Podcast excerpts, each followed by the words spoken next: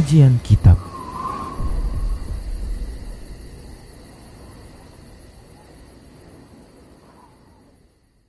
Bismillah, Assalamualaikum warahmatullahi wabarakatuh. Innal hamdalillah nahmaduhu wa nasta'inuhu wa nastaghfiruh. Wa na'udzu billahi min shururi anfusina wa min sayyiati a'malina. Man yahdihillah fala mudilla lah wa man yudlilhu fala hadiya lah وأشهد أن لا إله إلا الله وحده لا شريك له وأشهد أن محمدا عبده ورسوله صلى الله عليه وسلم. قال الله تبارك وتعالى يا أيها الذين آمنوا اتقوا الله حق تقاته ولا تموتن إلا وأنتم مسلمون. يا أيها الناس اتقوا ربكم الذي خلقكم من نفس واحدة وخلق منها زوجها وبث منهما رجالا كثيرا ونساء. واتقوا الله الذي تساءلون به والأرحام. إن الله كان عليكم رقيبا. يا أيها الذين آمنوا اتقوا الله وقولوا قولا سديدا. يصلح لكم أعمالكم ويغفر لكم ذنوبكم. ومن يطع الله ورسوله فقد فاز فوزا عظيما. أما بعد فإن أصدق الحديث كتاب الله وخير الهدى. هدى رسول الله صلى الله عليه وسلم وشر الأمور محدثاتها وكل محدثة بدعة وكل بدعة ضلالة وكل ضلالة في النار Para hamba Allah, para pemirsa Rosyad TV dan para pendengar Radio Medan Mengaji di mana saja Anda berada Alhamdulillah segala puji hanya untuk Allah Selawat dan salam kita ucapkan untuk Rasulullah Sallallahu Alaihi Wasallam Kita akan lanjutkan pembahasan kitab Minhajul Muslim masih dalam pembahasan akidah dan kita akan membahas salah satu dari pembahasan rukun iman yang keempat yaitu beriman kepada para rasul-rasul Allah Subhanahu wa taala. Di antara keimanan kepada para rasul Allah Subhanahu wa taala adalah beriman kepada Nabi Muhammad sallallahu alaihi wasallam sekaligus beriman terhadap ajaran yang dibawa oleh Rasulullah Sallallahu Alaihi Wasallam. Bahkan ini merupakan salah satu dari dua persaksian yang harus dilakukan oleh seorang hamba agar dia menjadi seorang yang muslim mukmin. Seorang muslim dia mengimani bahwa nabi yang ummi yang tak bisa baca dan tak bisa tulis itu Nabi kita Muhammad sallallahu alaihi wasallam bin Abdullah bin Abdul Muttalib Al-Hashimi Al-Qurashi Al-Arabi. Ya beliau adalah termasuk salah satu dari keturunan Nabi Ismail putra Nabi, Nabi dari Nabi Ibrahim alaihissalam. Beliau ini adalah hamba sekaligus utusan Allah Subhanahu wa taala. Seorang mukmin wajib meyakini demikian. Bahkan dia harus mempersaksikan hal tersebut. Yang tadi kita katakan ini merupakan salah satu dari persaksian, salah satu dari dua persaksian yang harus dipersaksikan oleh seorang hamba agar dia menjadi seorang muslim dan mukmin, yaitu meyakini dan mempersaksikan bahwa Nabi Muhammad SAW adalah hamba Allah Subhanahu wa taala sekaligus utusan Allah Subhanahu wa taala yang diutus kepada seluruh manusia. Dari berbagai jenis mereka baik itu berbagai jenis dari warna kulit begitu juga ya bangsa suku dan berbagai tempat. Yang ada di belahan dunia ini dan beliau adalah nabi terakhir sekaligus rasul terakhir yang menutup pintu kenabian dan pintu kerasulan yang tidak ada lagi nabi dan rasul setelah beliau sallallahu alaihi wasallam. Dan juga tidak ada lagi ajaran yang diterima oleh Allah Subhanahu wa taala melainkan ajaran yang dibawa oleh beliau sallallahu alaihi wasallam. Allah Subhanahu wa taala menguatkan beliau dengan mukjizat-mukjizat di antara mukjizat yang paling besar yang Allah berikan kepada beliau adalah Al-Qur'an. Dan beliau sallallahu alaihi wasallam diberikan keutamaan oleh Allah Subhanahu wa taala di atas seluruh para nabi dan rasul. Sebagaimana Allah Subhanahu wa taala memberikan keutamaan kepada umat beliau sallallahu alaihi wasallam di atas seluruh umat umat yang ada yang mengikuti nabi dan rasul di seluruh, seluruh penjuru dunia yang ada ini.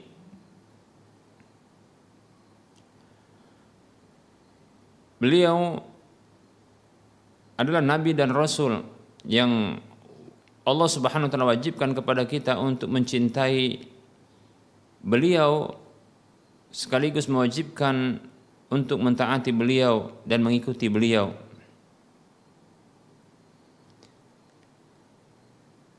Dan beliau memiliki beberapa kekhususan yang Allah Subhanahu wa taala berikan kepada beliau yang tidak diberikan kepada seorang pun dari kalangan hamba-hamba Allah Subhanahu wa taala. Di antaranya adalah al-wasilah. Al-wasilah itu kedudukan yang terpuji di sisi Allah Subhanahu wa taala. Demikian pula ada Al-Kautsar yaitu sungai Al-Kautsar. Kemudian ada juga Haud yaitu telaga. Kemudian diberikan kekhususan juga oleh Allah Subhanahu wa taala al-maqam al-mahmud yaitu kedudukan yang terpuji di sisi Allah Subhanahu wa taala. Baik para hamba Allah rahimani wa rahimakumullah. Berikut ini kita akan sebutkan dalil-dalil dari Al-Quran tentang kerasulan Nabi kita Muhammad sallallahu alaihi wasallam.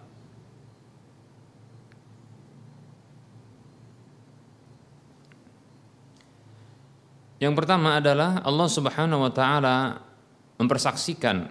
Demikian pula para malaikat mempersaksikan untuk Nabi kita Muhammad sallallahu alaihi wasallam yang beliau ini mendapatkan wahyu dari Allah Subhanahu wa taala. Dalam surah An-Nisa ayat 166 Allah mengatakan a'udzu billahi minasyaitonir rajim.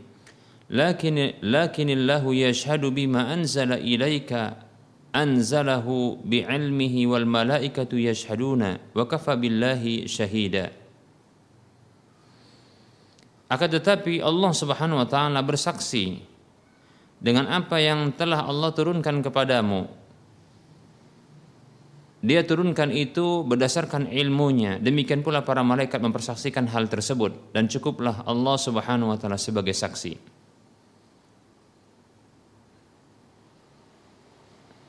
Lewat ayat ini Allah Subhanahu wa taala menjelaskan bahwa Allah bersaksi, demikian pula para malaikat bersaksi bahwa Nabi kita Muhammad wasallam diberikan wahyu oleh Allah Subhanahu wa taala.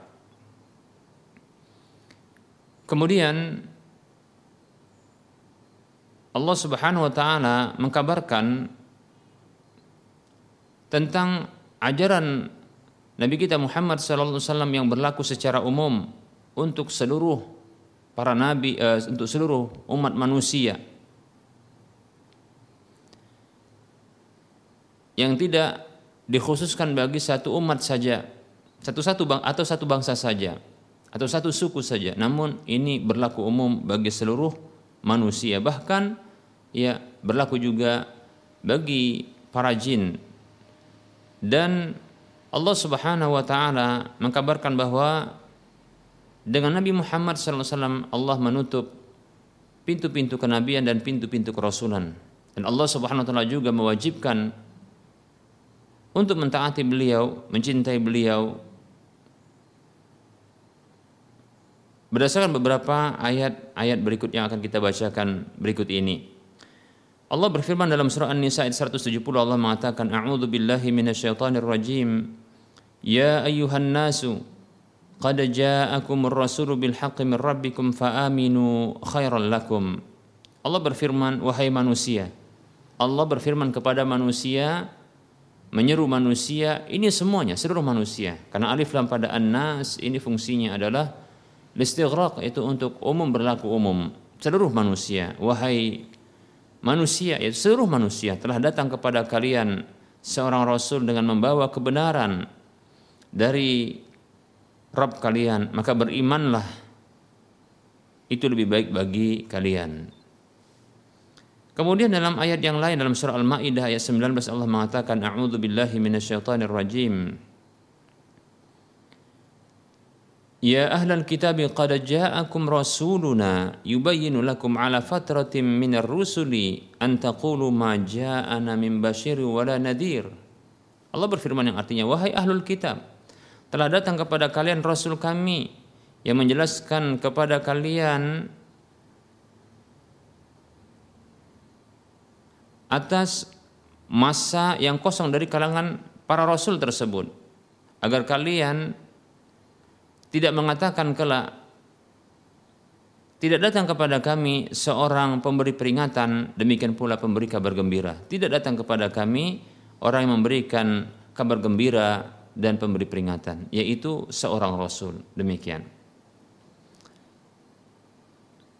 Ini menunjukkan keumuman dan berlaku umumnya ajaran Nabi Shallallahu Alaihi Wasallam dan diutusnya beliau SAW untuk seluruh manusia. Buktinya adalah ahlul kitab juga diseru oleh Allah Subhanahu Wa Taala lalu menjelaskan kepada mereka bahwa ada seorang rasul yang telah diutus kepada mereka yang menjelaskan kebenaran itu kepada mereka. Padahal ahlul kitab itu ada Yahudi dan Nasrani. Sementara Nabi Muhammad SAW itu pertama sekali diutus itu di kalangan bangsa Arab. Ini menunjukkan bahwasanya tidak terkhusus hanya bagi bangsa Arab saja, namun kepada seluruh manusia bahkan termasuk ahlul kitab. Kemudian Allah Subhanahu wa taala berfirman juga dalam surah Al-Anbiya ayat 107 dengan ungkapan yang lebih gamblang Allah mengatakan a'udzu billahi minasyaitonir rajim wa ma arsalnaka illa rahmatan lil alamin dan tidaklah kami mengutus engkau wahai Muhammad sallallahu alaihi wasallam kecuali sebagai rahmat dari Allah Subhanahu wa taala untuk seluruh alam. Seluruh alam. Sementara alam dua makhluk, alam yaitu makhluk yang diperintahkan oleh Allah Subhanahu wa taala untuk beribadah kepada Allah Subhanahu wa taala.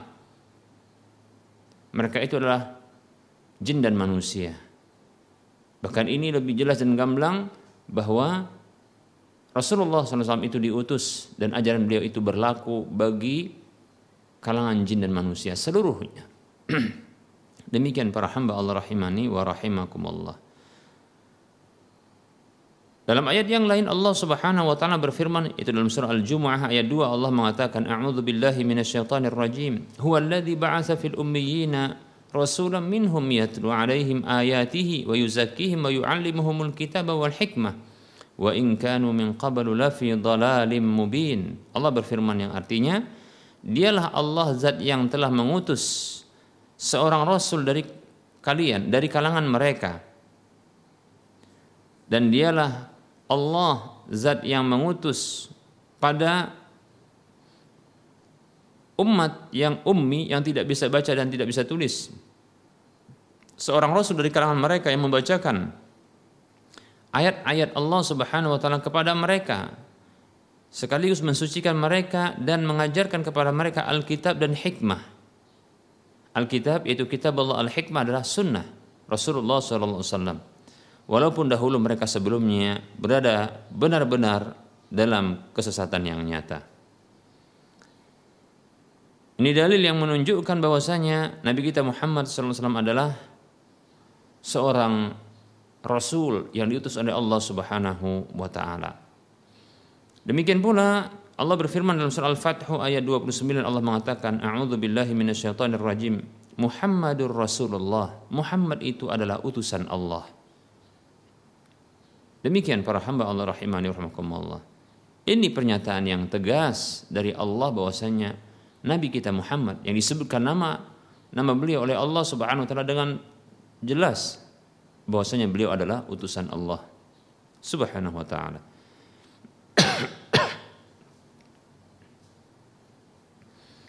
Dalam ayat yang lain, dalam surah Al-Furqan ayat 1 Allah Subhanahu wa taala berfirman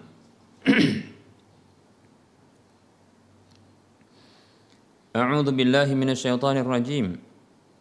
Allah berfirman dalam surah Al-Furqan ayat 1 Allah mengatakan A'udzu billahi minasyaitonir rajim Tabarakalladzi nazzala al-furqana ala 'abdihi liyakuna lil 'alamin nadhira Maha suci Allah yang telah menurunkan Al-Furqan yaitu Al-Quran. Al-Furqan adalah nama lain dari Al-Quran. Karena fungsi Al-Quran adalah Al-Furqan, yaitu membedakan antara kebenaran dengan kebatilan. Antara jalan kebenaran, jalan kebatilan. Demikian pula membedakan antara orang-orang yang berada di atas petunjuk dengan orang-orang yang berada di atas kesesatan. Maha suci Allah Subhanahu wa taala yang telah menurunkan Al-Qur'an itu kepada hambanya agar ia menjadi pemberi peringatan bagi seluruh alam. Ini dalil yang menunjukkan bahwa Nabi kita Muhammad sallallahu alaihi wasallam diutus oleh Allah Subhanahu wa taala sebagai pemberi peringatan bagi seluruh alam jin dan manusia. Kemudian Allah Subhanahu wa taala berfirman dalam surah Al-Ahzab ayat 40. Allah mengatakan a'udzu billahi minasyaitonir rajim. Ma kana Muhammadun aba ahadin min rijalikum walakin Rasulullah wa khataman nabiyyin. Allah berfirman yang artinya Muhammad sallallahu alaihi wasallam itu bukanlah ayah salah seorang laki-laki di antara kalian akan tetapi dia adalah utusan Allah dan penutup para nabi. Ini dalil yang jelas juga gamblang yang menjelaskan bahwa Nabi kita Muhammad SAW adalah penutup dari seluruh para nabi dan rasul yang tidak ada lagi nabi dan rasul setelah beliau sallallahu alaihi wasallam.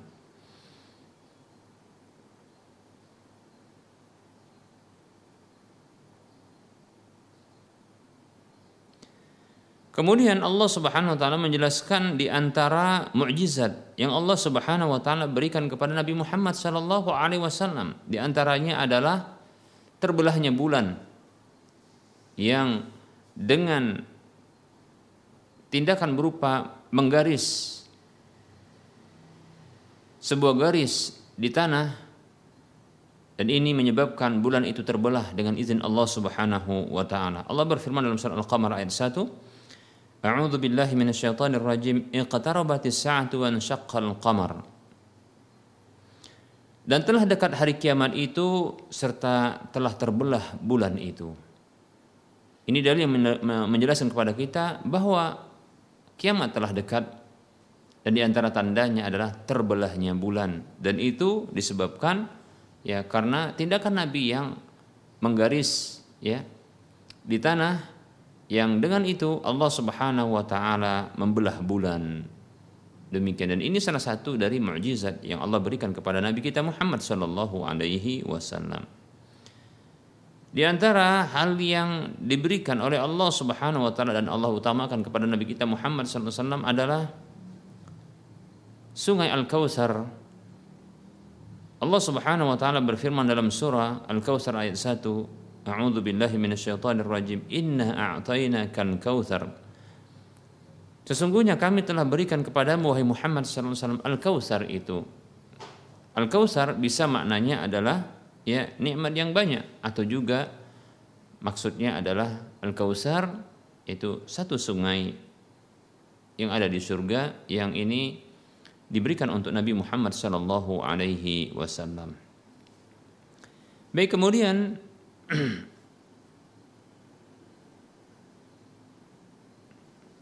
Allah Subhanahu wa taala berfirman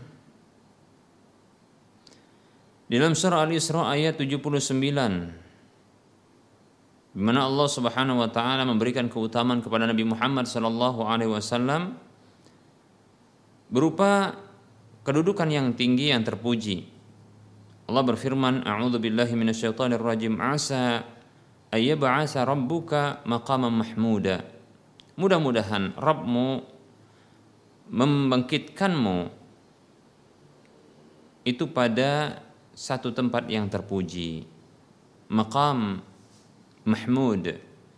Kedudukan yang terpuji. Nah, ini tentunya kedudukan yang tinggi yang Allah berikan kepada hambanya yang khusus dan ini khusus bagi Nabi kita Muhammad sallallahu alaihi wasallam.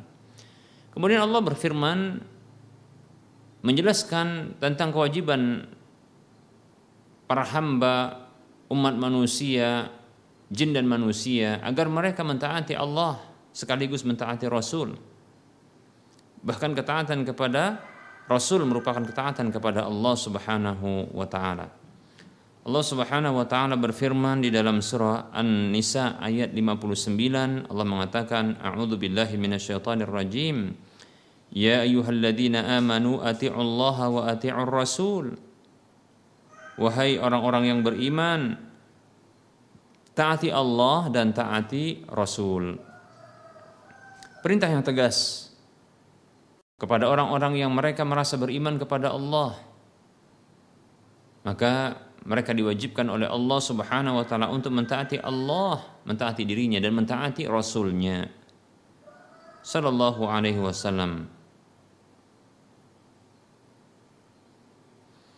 Dan ketaatan kepada Rasul itu merupakan ketaatan kepada Allah Subhanahu wa taala. Allah berfirman dalam surah An-Nisa ayat 80 Allah mengatakan, A'udzu billahi minasyaitonir rajim. May yuti'ir rasul faqad ata'a Allah man tawalla fama arsalnaka alaihim hafidha. Allah berfirman, siapa saja taat kepada Rasul maka sungguh dia telah taat kepada Allah.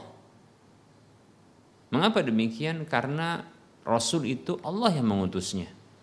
Sehingga ketika Allah memilih hamba pilihan, hamba terbaik dari kalangan makhluknya dan tentunya Allah tidak salah pilih.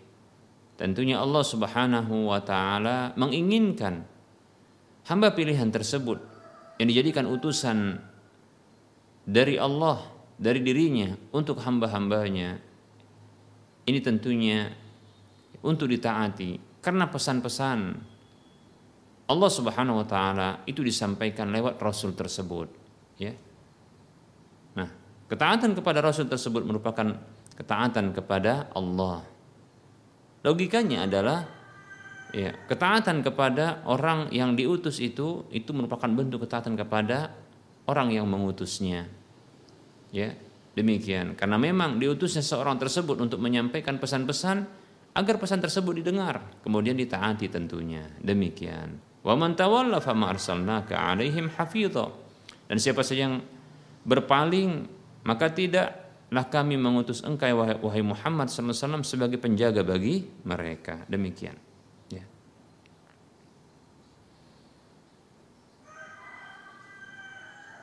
Kemudian Allah Subhanahu wa taala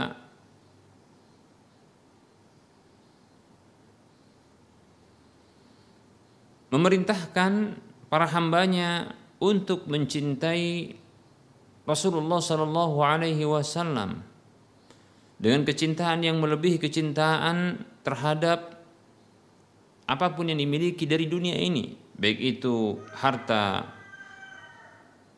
perniagaan, tempat tinggal, keluarga, maka tak, tak boleh kecintaan itu melebihi mereka. Kecintaan kepada Rasulullah SAW ini e, harus lebih harus melebihi cinta kepada dunia, cinta kepada keluarga demikian tak boleh ya dikalahkan kecintaan kepada dunia dan keluarga ini mengalahkan kecintaan kepada Rasulullah Shallallahu Alaihi Wasallam. Allah berfirman dalam surah At-Taubah ayat 24 Allah mengatakan A'udzu billahi minasyaitonir rajim. Qul in kana aba'ukum wa abna'ukum wa ikhwanukum wa azwajukum wa 'ashiratukum wa amwalun qataraftumuha wa tijaratun takhshawna kasadaha wa masakinu tardawnaha ahabba ilaikum min Allahi wa rasulihi wa jihadin fi sabilihi fatarabbasu hatta katakan Muhammad saw kepada hamba-hamba hamba Allah kepada umat umat manusia apabila para leluhur kalian orang-orang tua kalian, anak turunan kalian, saudara-saudara kalian, pasangan-pasangan hidup kalian, keluarga kalian, harta yang kalian usahakan, perniagaan yang kalian khawatirkan kerugiannya, tempat tinggal yang kalian cintai itu lebih kalian cintai ketimbang Allah dan Rasulnya sekaligus melebihi kecintaan kepada jihad fisabilillah, maka tunggulah, maka tunggulah ya sampai Allah mendatangkan urusannya.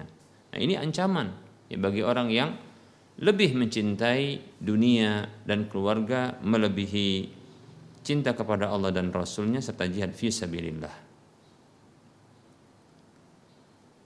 Kemudian Allah Subhanahu wa taala memberikan keutamaan kepada umat Rasulullah Shallallahu alaihi wasallam ini menjadi umat yang terbaik.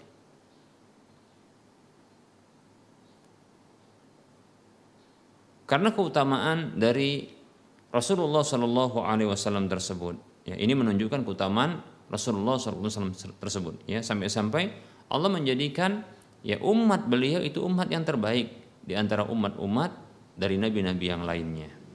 Allah berfirman dalam surah Ali Imran ayat 110 Allah mengatakan a'udzu billahi minasyaitonir rajim kuntum khaira ummatin ukhrijat linnas kalian adalah umat terbaik yang dikeluarkan untuk manusia Begitu juga Allah Subhanahu wa taala berfirman dalam surah Al-Baqarah ayat 143 yang menunjukkan keutamaan dari umat Rasulullah sallallahu alaihi wasallam. A'udzu billahi minasyaitonir rajim. Wa kadzalika ja'alnakum ummatan wasatan litakunu syuhada'a 'alan nasi wa yakuna ar-rasulu 'alaikum syahida. Dan demikianlah kami jadikan kalian sebagai umat pertengahan agar kalian menjadi saksi-saksi atas Allah atas manusia, saksi-saksi atas manusia dan Rasul tersebut menjadi saksi atas kalian.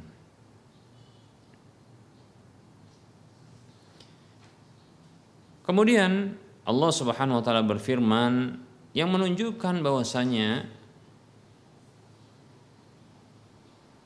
ketaatan kepada Rasulullah sallallahu alaihi wasallam dengan mengikuti petunjuk dari beliau sallallahu alaihi wasallam ini merupakan bukti cinta kepada Allah, bukti iman kepada Allah Subhanahu wa taala. Sehingga orang yang demikian akan mendapatkan kecintaan Allah Subhanahu wa taala dan ampunan dari Allah Subhanahu wa taala. Allah berfirman dalam surah Ali Imran ayat 31 Allah mengatakan a'udzu billahi minasyaitonir rajim. Qul in kuntum tuhibbunallaha fattabi'uni yuhibbukumullah wa yaghfir lakum dzunubakum. Allah berfirman yang artinya katakan Muhammad sallallahu alaihi wasallam kepada umatmu para hamba-hambaku Apabila kalian benar-benar cinta kepada Allah maka ikutilah aku. Yaitu ikuti orang yang diberikan wahyu oleh Allah ini. Itu Nabi kita Muhammad Shallallahu Alaihi Wasallam. Maka mengikuti Nabi SAW itu merupakan bentuk cinta kepada Allah. Lalu yang didapatkan adalah yuhibbukumullah, Allah akan cinta kepada kalian wa yaghfir lakum dunubakum dan mengampuni dosa-dosa kalian. Demikian. Baik para hamba Allah rahimani warahmakumullah. Manusia kebanyakannya mereka mengaku cinta kepada Allah. Tapi tidaklah lantas pengakuan tersebut menjadi benar. Karena sesungguhnya pengakuan cinta ini harus ada buktinya. Karena cinta itu butuh kepada bukti, ya. Apa buktinya? Buktinya adalah mengikuti orang yang dicinta, ya. Demikian. Cinta kepada Allah maka mengharuskan untuk mengikuti petunjuk utusan Allah Subhanahu wa taala. Ya. Demikian. Mengikuti petunjuk ya. utusan Allah Subhanahu wa taala. Rasulullah diperintahkan oleh Allah untuk mengatakan kepada umat manusia, ya hamba-hamba Allah Subhanahu wa taala, bila kalian benar-benar cinta kepada Allah maka ikutilah aku. Itu ikuti Rasulullah sallallahu alaihi wasallam maka Allah akan mencintai kalian dan mengampuni dosa dosa kalian. Demikian para hamba Allah rahimani warahmatullah. Ya. Maka standar pengakuan cinta adalah mengikuti orang yang dicinta, ya. Mengikuti orang yang dicinta. Demikian para hamba Allah rahimani warahmatullah. Kalau sekadar hanya pengakuan belaka tanpa ada bukti mengikuti orang yang dicinta, maka ketahuilah ini cinta yang bohong, ini cinta dusta, ini cinta gombal. Ya, hanya ada di bibir saja, tak ada realisasinya, tak ada buktinya. Demikian, ya. Nah, oleh karenanya bagi siapa saja mengaku cinta, maka ikutilah orang-orang yang dia cinta. Demikian para hamba Allah rahimani wa rahmakumullah. Seorang istri yang mengaku cinta kepada suaminya, maka dia harus mengikuti suaminya ke mana saja suaminya berada. Selagi masih dalam hal kebaikan, maka ikuti dia demikian. Maka bukan merupakan cinta tatkala seorang istri yang ternyata dia berada dalam satu kota sementara suaminya ya berada di kota lain lainnya dan dia tidak mengikuti suaminya. Sungguh ini merupakan bentuk penyengsaraan terhadap ya orang yang diakui bahwasanya dia mencintainya. Demikian. Kalau dia betul-betul cinta kepada suaminya maka sesungguhnya dia harus mengikuti orang yang dia cinta tersebut. Nah kita juga demikian tatkala kita mengaku cinta kepada Allah dan Rasulnya maka kita dituntut untuk mengikuti petunjuk, bimbingan orang yang kita cinta Allah dan Rasulnya. Demikian para hamba Allah rahimani wa rahimakumullah. Baik eh, barangkali ini materi yang bisa kita sampaikan pada pertemuan kali ini. Insyaallah taala pada waktu mendatang kita akan lanjutkan kembali masih menyebutkan tentang dalil-dalil ya yang menunjukkan wajibnya bagi kita untuk mengimani kerasulan Nabi kita Muhammad sallallahu alaihi wasallam. Baik para hamba Allah rahimani rahimakumullah, kita akan beralih kepada sesi soal jawab dan bagi para pemirsa yang ingin bertanya langsung secara interaktif, silahkan menghubungi nomor layanan kami di nomor 0822 8888 6630. Adapun yang ingin bertanya lewat tulisan maka silahkan arahkan pertanyaan Anda ke nomor layan kami ya chatting ke nomor WA berikut ini 0852 6190 4177. Baik, kita akan e, mencoba untuk menjawab pertanyaan yang telah masuk.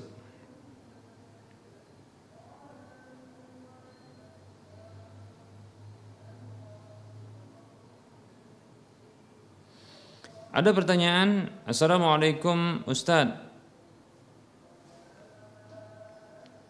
Pertanyaan pertama, bolehkah memulai puasa Syawal bertepatan dengan puasa Ayyamul Bid? Dan bertepatan dengan puasa Kamis, itu digabung. Ya, sepertinya hari ini ya, hari ini termasuk uh, tanggal 13 Syawal ya dan tiga hari ke depan mulai dari hari ini 13, 14, 15 ini merupakan uh, hari-hari ayamul bid yang dianjurkan kita untuk berpuasa tiga hari setiap bulannya berdasarkan hadis dari Abu Dzar al Ghifari radhiyallahu an. Pertanyaan kedua, bolehkah memakai uang anak terlepas anaknya mengerti uang atau tidak tanpa permisi atau tanpa dikembalikan karena biasanya uang THR anak kecil orang tuanya mah yang memegangnya barakallahu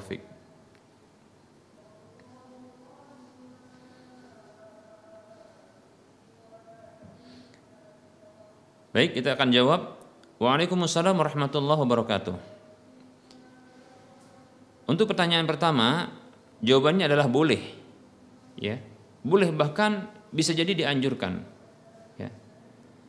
Bahkan menurut pendapat yang tepat sebagaimana dinyatakan oleh Syekh Muhammad Salih Utsaimin rahimahullah taala, seseorang itu akan mendapatkan pahala dari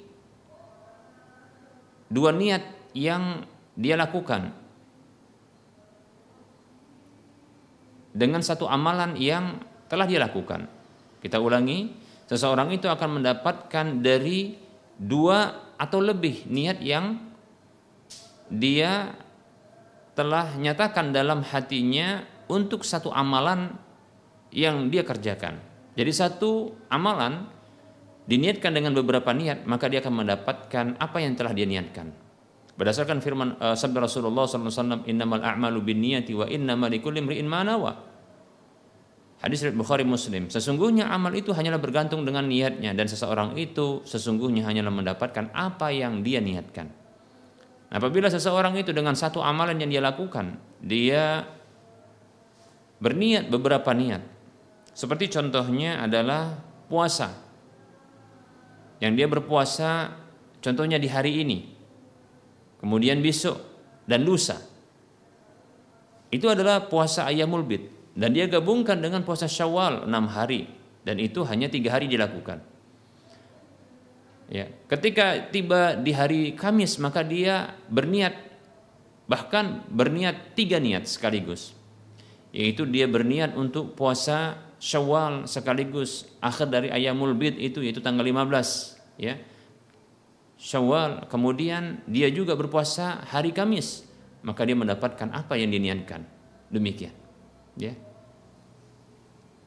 Bahkan kita katakan di antara kecerdasan seorang mukmin dan muslim adalah dengan satu amalan yang dia lakukan maka dia menggabungkan berbagai niat-niat kebaikan. Sehingga dengan satu amalan ya maka dia akan mendapatkan berbagai pahala yang banyak ketika dia bisa ya menyertakan dalam amalan tersebut berbagai niat, banyak niat niat kebaikan seperti itu. Ini kecerdasan seorang mukmin dan muslim, ya ya kalau istilahnya orang Indonesia adalah ya sekali dayung dua tiga bahkan seribu pulau terlewati. Seperti itu ya. Demikian. Innamal a'malu binniyati wa innamal likulli imri'in ma nawa kata Rasulullah SAW sesungguhnya amal itu bergantung dengan niatnya. Dan sesungguhnya setiap orang itu hanyalah mendapatkan apa yang dia niatkan. Bila dia berniat dengan berbagai niat ya pada satu amalan maka dia mendapatkan ya pahala sesuai dengan niatnya walaupun amalan cuma satu demikian. Nah tentunya ya hal ini hanya eh, berlaku pada tidak berlaku pada semua amalan-amalan eh, yang telah disyariatkan ya. Adapun pada amalan wajib tentunya ya tidak bisa menggabungkan amalan wajib dengan amalan sunat apalagi amalan wajib dengan amalan wajib yang lainnya. Demikian ya. Maka tidak bisa seseorang itu contohnya berniat dengan niat sholat duhur untuk setahun. Tidak bisa ya. Atau contohnya uh, sholat duhur digabungkan dengan sholat sholat sunat. Atau sholat fardu digabungkan dengan sholat sunat. Atau puasa Ramadan digabungkan dengan puasa sunat yang lainnya maka tidak bisa demikian ya. Yang boleh digabungkan niatnya adalah dalam amalan-amalan sunat saja. Demikian wallahu taala a'lam ya. Pertanyaan kedua ya jawabannya adalah boleh seorang tua orang tua itu boleh menggunakan harta anaknya uang yang itu menjadi miliknya namun ya sebaiknya disertai dengan izin. Begitu juga usaha untuk menggantinya. Sebagai bentuk ya pembelajaran pendidikan kepada anak tersebut terhadap sebuah sikap yang baik yaitu meminta izin terhadap penggunaan barang orang lain ya. Ini pelajaran yang ingin ditanamkan di dalam jiwa atau diri anak tersebut ya.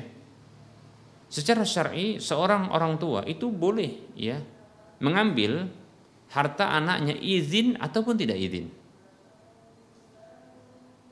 Demikian. Mengapa demikian? Karena harta anak adalah harta orang tua. Ada seorang laki-laki yang mengeluhkan ayahnya kepada Nabi SAW karena ayahnya ini menginginkan hartanya ya sementara dia punya tanggungan istri dan anak-anak. Maka Rasul mengatakan kepadanya anta wa maluka liwalidika engkau dan hartamu itu milik orang tuamu. Demikian. Hadis yang sahih. Ini hukum boleh tapi kita katakan belum tentu hukum boleh ini afdol. Ya. Belum tentu adalah afdol. Lebih-lebih ya ketika kita ingin mengajarkan satu sikap yang baik kepada anak kita. Apa itu? Yaitu meminta izin kemudian mengembalikan harta orang lain. Ya, meminta izin kepada pemilik harta kemudian mengembalikan harta orang lain yang yang ada di tangan kita. Demikian. Maka orang tua bahkan dianjurkan bagi dia untuk dia minta izin kepada anaknya. Begitu juga nanti berjanji untuk mengembalikan harta tersebut, uang tersebut di waktunya yang disepakati oleh anak uh, disepakati dengan anak tersebut. Nah, ini sebagai bentuk pelajaran dan pendidikan kepada anak itu. Ya. Anak ini akan nantinya mendapatkan pelajaran yang baik dari orang tuanya. Di mana ketika dia hendak mengambil harta orang lain, maka dia harus meminta izin. Ya. Kalau tidak diberi izin, maka dia tidak akan lakukan untuk mengambil harta tersebut, ya. Demikian, ya. Kemudian, ya, pelajaran berikutnya adalah memenuhi janji untuk mengembalikan harta tersebut di waktunya. Ketika sudah diberi pinjaman atau diberi hutang. Seperti itu. Ini pendidikan yang luar biasa. Demikian ya. Dan orang tua akan mendapatkan pahala atas tindakannya ini. Wallahu taala a'lam.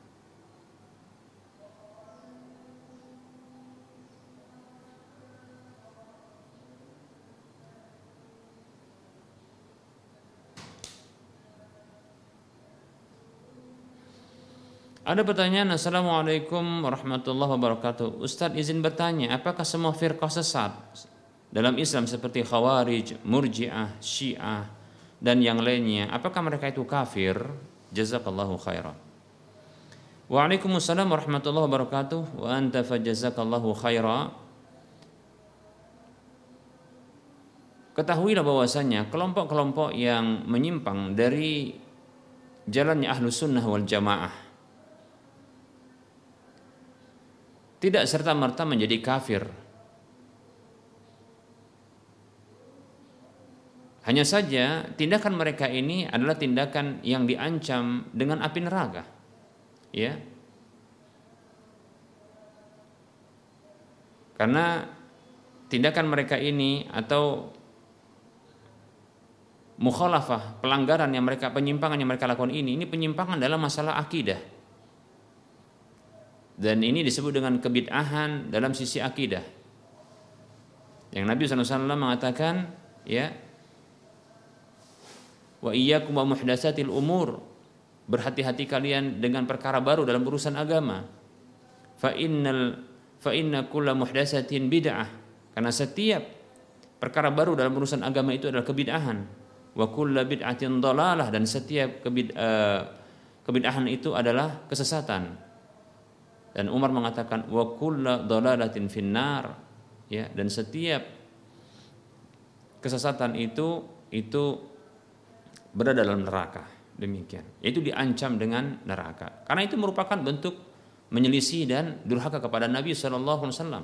Allah Subhanahu wa taala mengatakan A'udzu billahi minasyaitonir rajim. Wa may yushaqiqir rasula min ba'di ma tabayyana lahul huda wa yattabi' ghaira sabilil mu'minin nuwallihi ma tawalla wa nuslihi jahannam wa sa'at masira.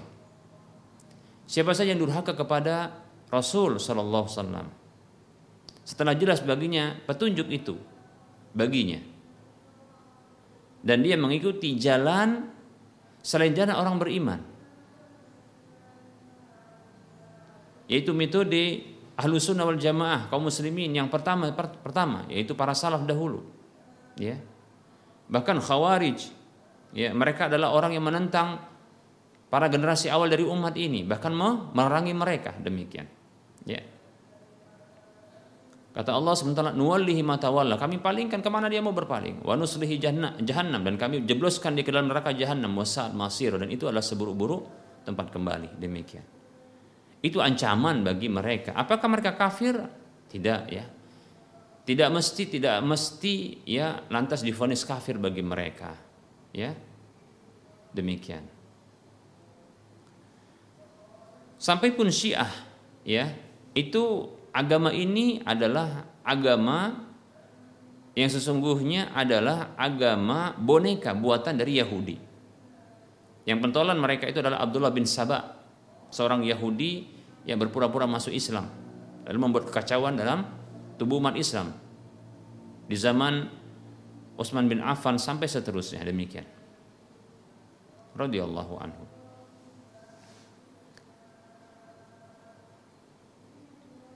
Namun memang ada sebahagian yang dikafirkan oleh para ulama seperti Syiah yang mereka ini mengakui Ali sebagai Tuhan.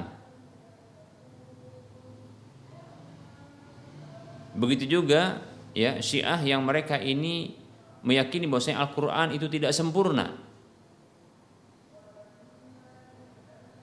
Begitu juga yang meyakini bahwasanya ya yang pantas untuk mendapatkan wahyu bukan Nabi kita Muhammad tapi adalah Ali radhiyallahu anhu seterusnya. Maka ini adalah bentuk kekufuran tentunya. Ya. Dan siapa saja yang meyakini demikian maka ini akan jatuh kepada kekafiran. Demikian ya namun tentunya kaum muslimin yang jatuh ke dalam hal seperti ini tanpa disadari mereka maka tidak serta merta dikafirkan karena bisa jadi karena ketidaktahuan atau disebabkan karena adanya subhat kesamaran pada diri mereka. Demikian, ya.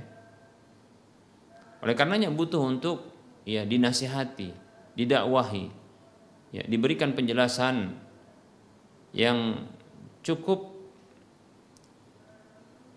mampu untuk menghilangkan subhat atau tegaknya hujah pada dirinya. Demikian, ya. Jadi tidak serta merta sih menjadi kafir begitu ya. Kelompok-kelompok yang menyimpang dari ya ajaran ahlu sunnah wal jamaah yaitu ajaran Islam yang murni. Demikian ya. Wallahu taala alam. Baik para hamba Allah rahimani wa rahimakumullah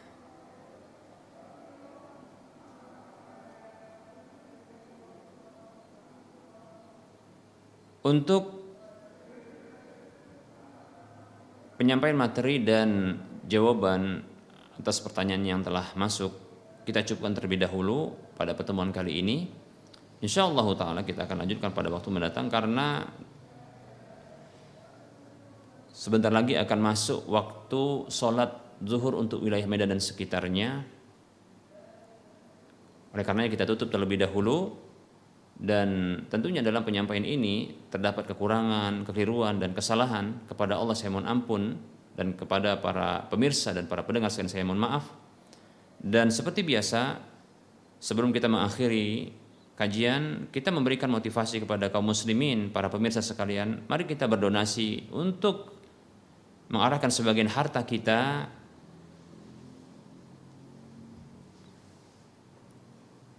yang kita arahkan untuk pembebasan lahan yang nantinya akan dibangun di atas lahan ini Masjid Al-Muwahhidin untuk wilayah Medan dan sekitarnya yang alhamdulillah telah terkumpul 3,8 miliar dan kekurangannya adalah 4 miliar 731 juta sekian. Dan mari kita motivasi diri kita termasuk saya pribadi motivasi diri saya sendiri mari kita berdonasi arahkan sebagian harta kita untuk menjadi aset akhirat bagi kita ke Bank Syariah Mandiri atau Bank Syariah Indonesia di nomor 71274855555 atas nama Yayasan Lajnah Dakwah Medan kode kode bank 451. Saya ulangi, silahkan donasikan harta Anda ke Bank Syariah Mandiri atau Bank Syariah Indonesia di nomor 7127 485 555 atas nama Yayasan Lajnah Dakwah Medan kode bank 451 semoga Anda termotivasi dan semoga bermanfaat. Wassalamualaikum ala Muhammad wa